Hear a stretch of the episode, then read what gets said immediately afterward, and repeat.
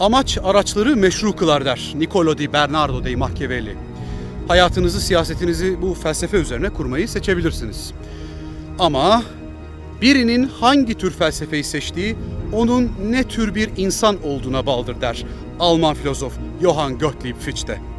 Eğer sizin niyetiniz kötü ise en iyi niyetlerle oluşturulmuş sistemlerden ve en demokratik tasvirler yazılmış anayasalardan bile bir diktatörlük rejimi ortaya çıkarabilirsiniz. Peki ama bir kişiye ne zaman diktatör diyebiliriz? Bir rejim ne zaman diktatörlüktür? Bunun değişmeyen net bir çizgisi çerçevesi var mı? Yoksa yerine zamanına göre değişen bir kavram mı? Bu hem pratik hem de felsefi bir konu. Bu videoda diktatörlük, otoriterlik denilince ne anladığımızı ve aslında ne anlamamız gerektiğini çok kısa şekilde izah edeceğim. Benimle gelin.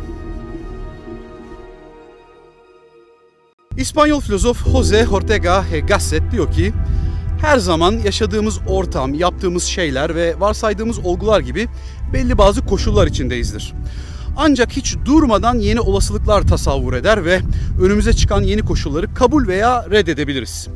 Ama hangi seçeneği seçersek seçelim, yeni olasılıklar şu anki koşullarımızla daima çatışır. Gazete göre bundan çıkan sonuç ne? Yaşam gelecekle bir çatışmalar dizisidir. Bu ne anlama geliyor? Yani kendimiz ve toplumumuz için hep daha iyi koşullar olmasını isteyeceğimize göre bunu ancak var olan koşullara gelmemizi sağlamış kavramları güncelleyerek yapabiliriz.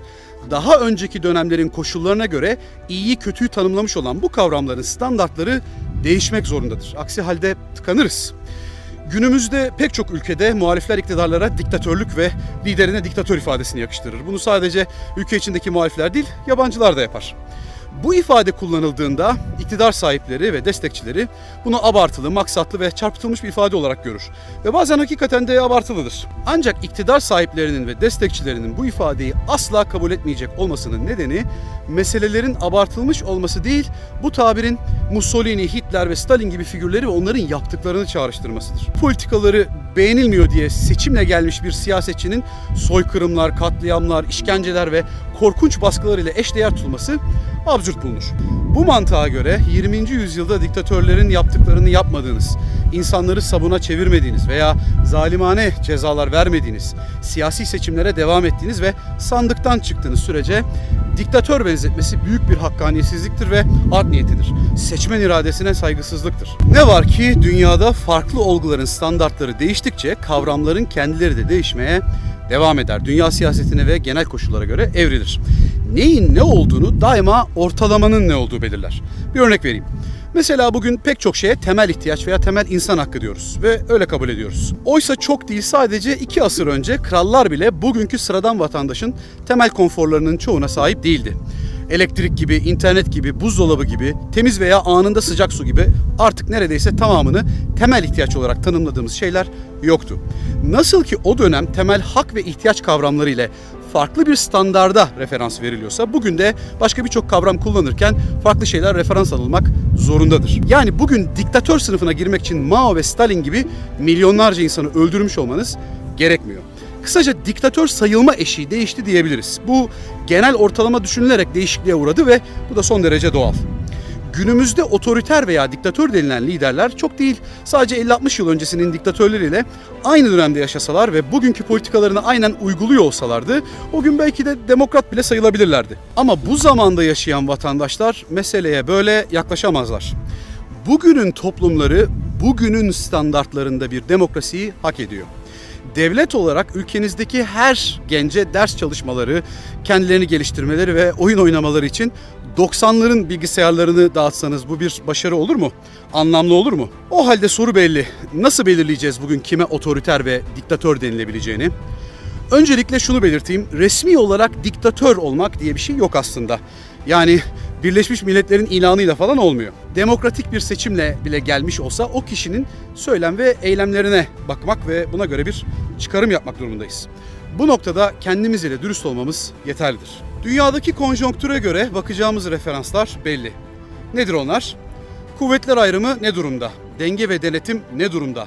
Çoğulculuk kültürü ne durumda? X bir ülkede eğer hukuki yetki aşımı, yargıya talimat, gizlenmeyen niyetlerle cadı avı, kitlesel cezalandırma, temel vatandaşlık haklarını keyfi şekilde askıya alma, insanları anayasal özgürlüklerinden soyutlama, muhalifleri susturma, baskılama, basın ve medya unsurlarını tehdit etme, sindirme, toplantı ve gösterileri engelleme, devlet harcamalarında şeffaf olmama, hesap vermeme, kara propaganda yapma, kendisi ve çevresi için haksız kazanç sağlama, ihalelere fesat karıştırma, nüfuzu kötüye kullanma, gizli iş bağlantıları, açıklanmayan mal varlıkları, yolsuzluğun ve rüşvetin her alana sirayet etmesi, farklı hayat tarzlarına müdahale, yakınlarını kayırma ve onları hukuki yaptırımlardan kaçırma gibi gibi şeyler sistematik hale gelmişse bu artık bir dikta rejimidir ve seçim onu aklayamaz, hukuki, meşru veya ahlaki kılamaz. Üstelik bu iktidar gücü bir kişi veya çok az sayıda kişinin elinde toplanmıştır.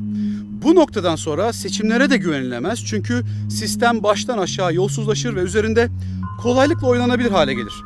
Gerekirse oyun sırasında kural değiştirilir, gerekirse iptal edilir, gerekirse her seçimde seçim sistemi ve yönetim sistemi değiştirilir. Üstelik yönetim sisteminin adı da mühim değildir. Adında cumhuriyet gibi tanımların yer alması hiçbir ehemmiyet taşımaz. Çin'de cumhuriyettir, Kuzey Kore'de, İran'da cumhuriyettir, Kongo'da. Önemli olan daima uygulamadır.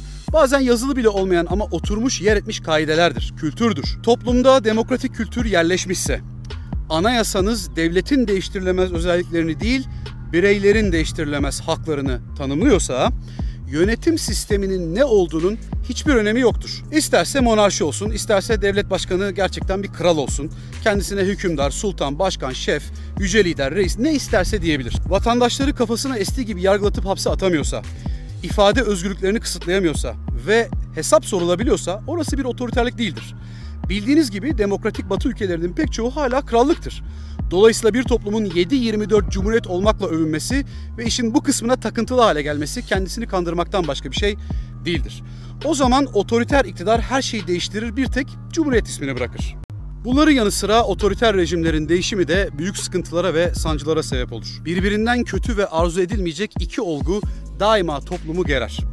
Birincisi artan dış baskılar, ikincisi ise içeride artan huzursuzluk nedeniyle yaşanabilecek olası toplumsal kargaşalar ve ayaklanmalar. Bu durum yetmiyormuş gibi buna bizzat sebep olan iktidar bu olguları evirip çevirip safları daha sıklaştırmak için kullanır. Bunu yapmak için her türlü iletişim tekniğini ve propagandayı mübah görür kalemşörler, troller besler. Bildiğiniz gibi günümüzde hangi ülkelerin özgür, hangilerinin kısmen özgür, hangilerinin ise özgür olmayan otoriter ülkeler olduğunu belirleyen bazı endeksler mevcut. Bu endekslerde de biraz önce saydığım şeylere bakılıyor. Ama tabii bu endeksleri hazırlayan kuruluşlar ve organizasyonlar yabancı ülke merkezli oldukları için arkasında art niyet olduğu ileri sürülüyor ve ortaya konulan çok sayıda rapor bu tür iktidarlarca dikkate alınmıyor. Alman filozof Arthur Schopenhauer der ki her insan dünyanın sınırlarını kendi vizyonunun sınırlarına göre çizer. Siz dilerseniz bu tür raporlara ve listelere kulak asmayın ve sadece tecrübelerinize, kendi vizyonunuza dayalı şahsi değerlendirmenizi yaparak